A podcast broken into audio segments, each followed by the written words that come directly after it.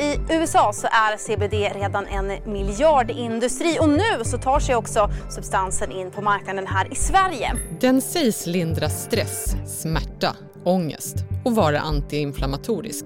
Men du får inte köpa den.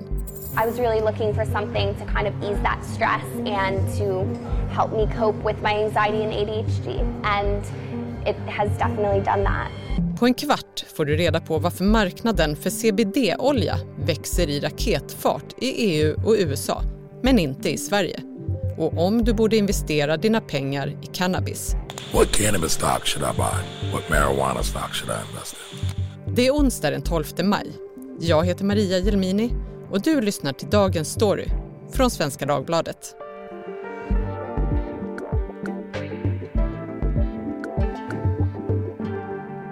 Sofia Sinclair, du är reporter på SvD Näringsliv och har ett särskilt fokus på just startups. Eh, och nu ska vi grotta ner oss här i en marknad som vuxit eller växer så att det knakar, om än inte riktigt i Sverige ännu, får man väl säga.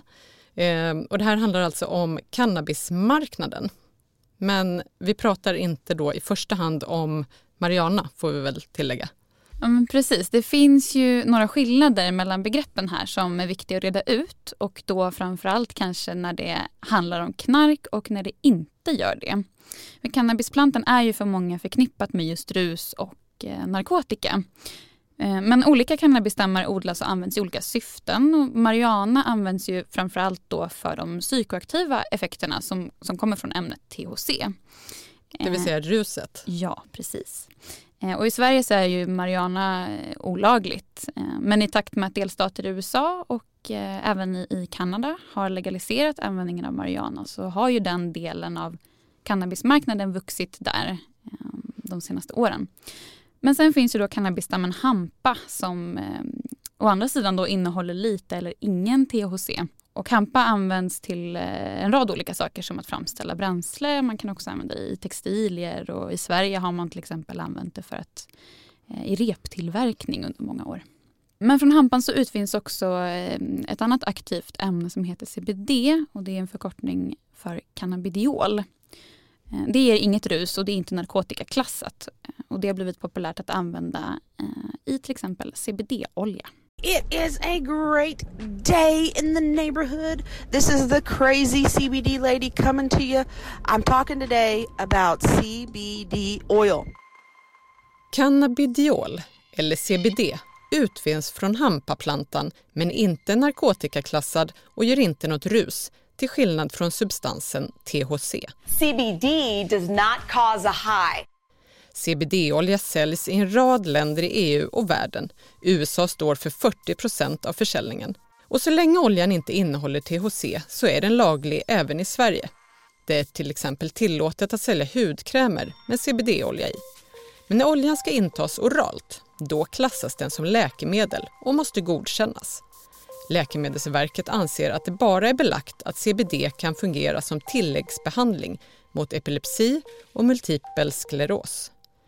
Men förespråkare de hävdar att oljan mildrar smärta, stress, ångest och har antiinflammatoriska egenskaper. Men det inte, finns inte så mycket stöd för allt det här, eller? Nej, precis. I alla fall inte om man eh, eh tittar på vad Läkemedelsverket säger.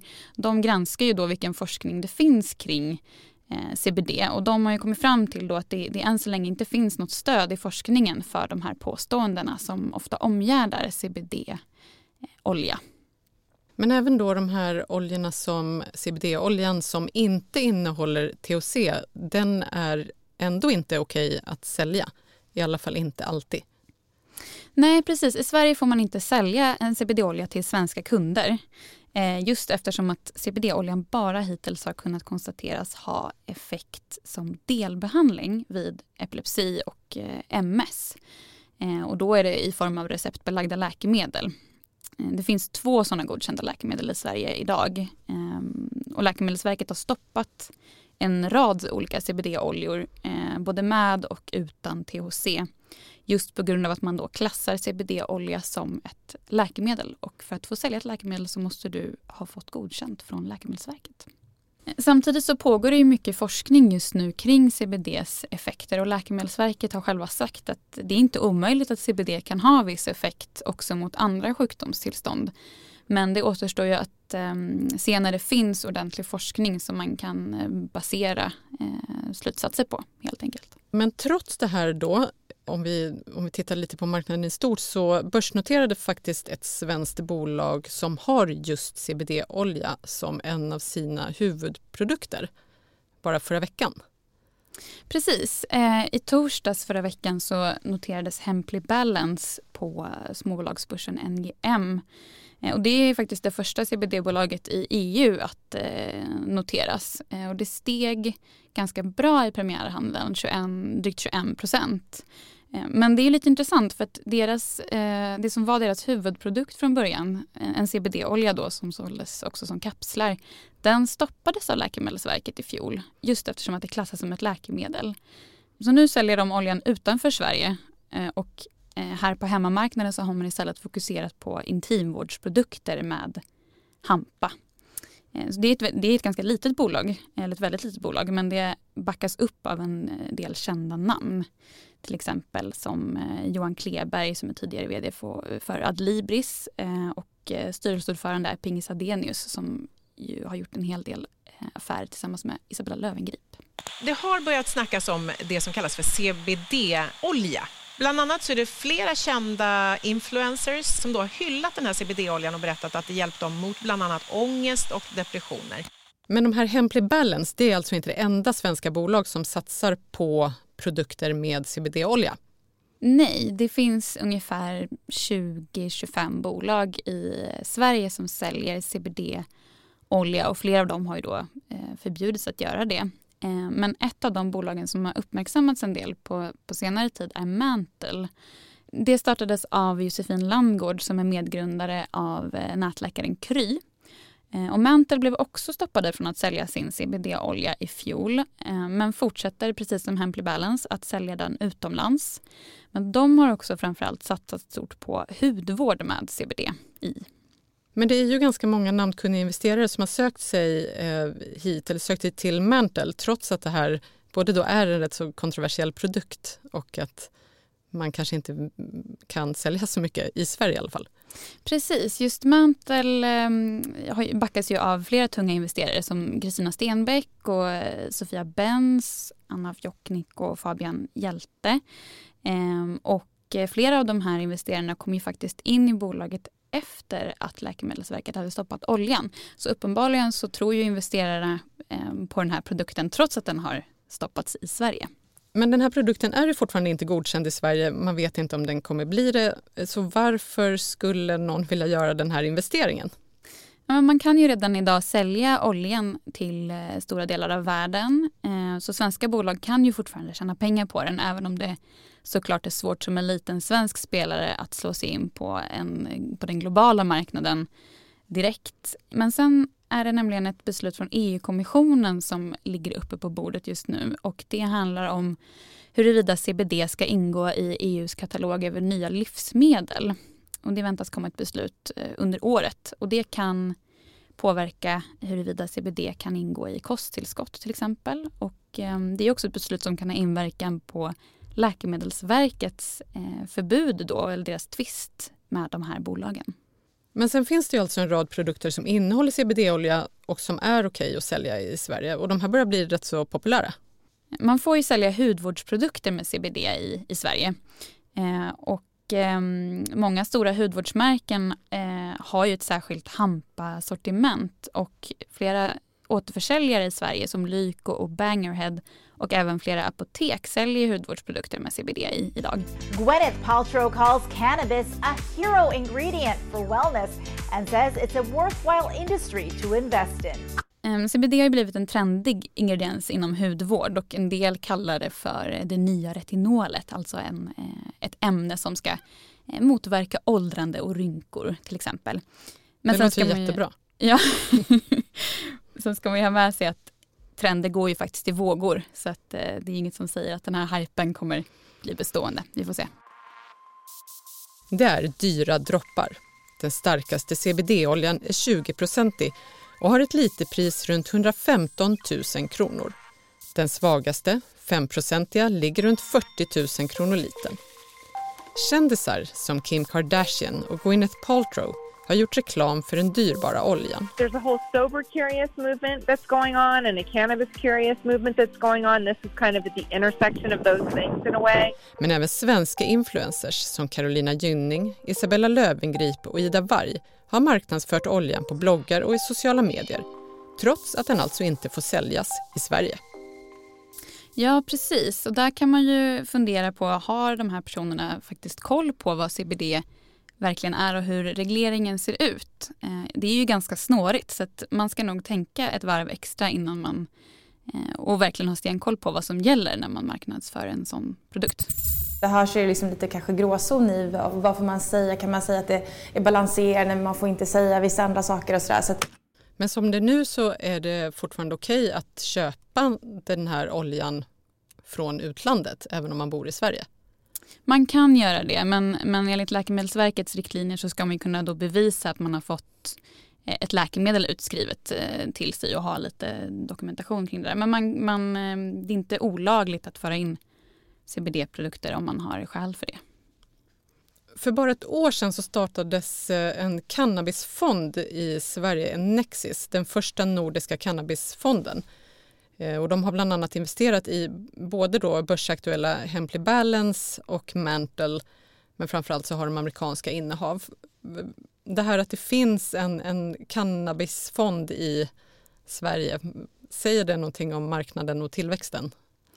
Det är lite svårt att säga om eh, baserat på ett, eh, på ett investmentbolag och en privat fond så men och särskilt med tanke på att majoriteten av innehaven är just utländska och att det finns fortsatta utmaningar när det gäller regleringen i Sverige.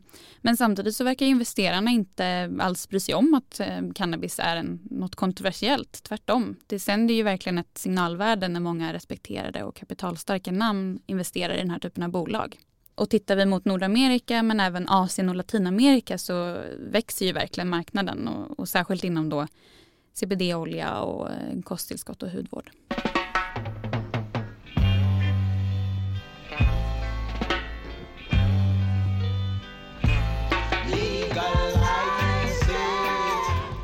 Men det är inte bara när det gäller kosttillskott och hudvård som cannabismarknaden växer. Förra året ökade den legala cannabisförsäljningen i USA med nästan 50 procent mot året innan. Yeah, tremendous momentum um, at the state uh, level. And since the general election, we've actually raised our TAM by 11 billion dollars. I USA tillåter nu 36 delstater marijuanaanvändning för medicinskt bruk och 16 delstater har helt legaliserat användningen för vuxna. Och med en ny demokratisk regering så hoppas Mariana-förespråkare att drogen snart ska godkännas även på federal nivå. Let's do the best thing we can, which is to legalize marijuana for the world. Thank you very much. Boomen har lett till att en rad cannabisbolag har sökt sig till börsen, främst i USA och Kanada. Och till en början var Mariana-aktierna en guldgruva för investerare.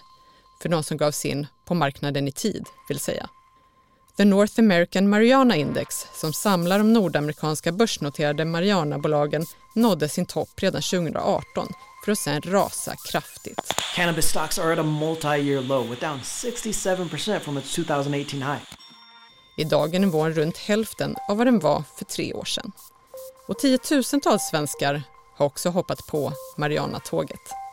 Ja, precis. När eh, cannabisbolagen i USA och Kanada tog sig till börsen för ett par år sedan så var ju generellt många eh, både institutionella och, och mindre liksom, småsparare optimistiska och eh, de här bolagen välkomnades överlag med eh, stigande kurser. Men sen har ju den där hypen eh, avtagit lite grann. Dels med tanke på att det, är, ehm, ja, men det finns regulatoriska utmaningar fortfarande.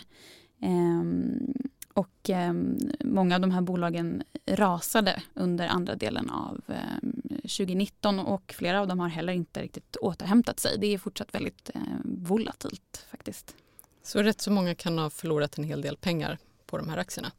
Har man haft otur och gått in vid fel tidpunkt så kan det absolut vara så. Så vill man välja en trygg hamn för sina sparpengar då är det kanske inte Mariana-aktier i första hand som man ska välja? för att sammanfatta det. Sett till hur kursutvecklingen har varit hittills så finns det ju definitivt eh, tryggare bolag och sektorer. Men samtidigt så tror jag att man ska ändå hålla ett, ett öga på hur eh, utvecklingen i den här branschen generellt eh, ser ut. Det blir intressant att se hur det utvecklar sig de kommande åren. Och så får man se hur det går med rynkorna också då. Exakt, vi får se om det är retinol eller CBD som är den stora grejen nästa år. Precis. Tack Sofia för att du kom hit. Tack. Vi som gjorde programmet idag är producent Lasse Edfast och jag heter Maria Jelmini.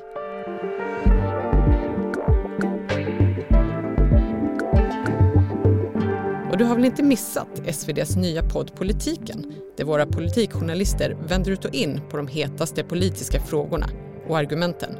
Den finns förstås där poddar finns. Du har lyssnat på Dagens Story från Svenska Dagbladet. Ett ämne, 15 minuter varje vardag. Och gå gärna in och prenumerera på Dagens Story i din poddspelare. Och sätt gärna ett betyg.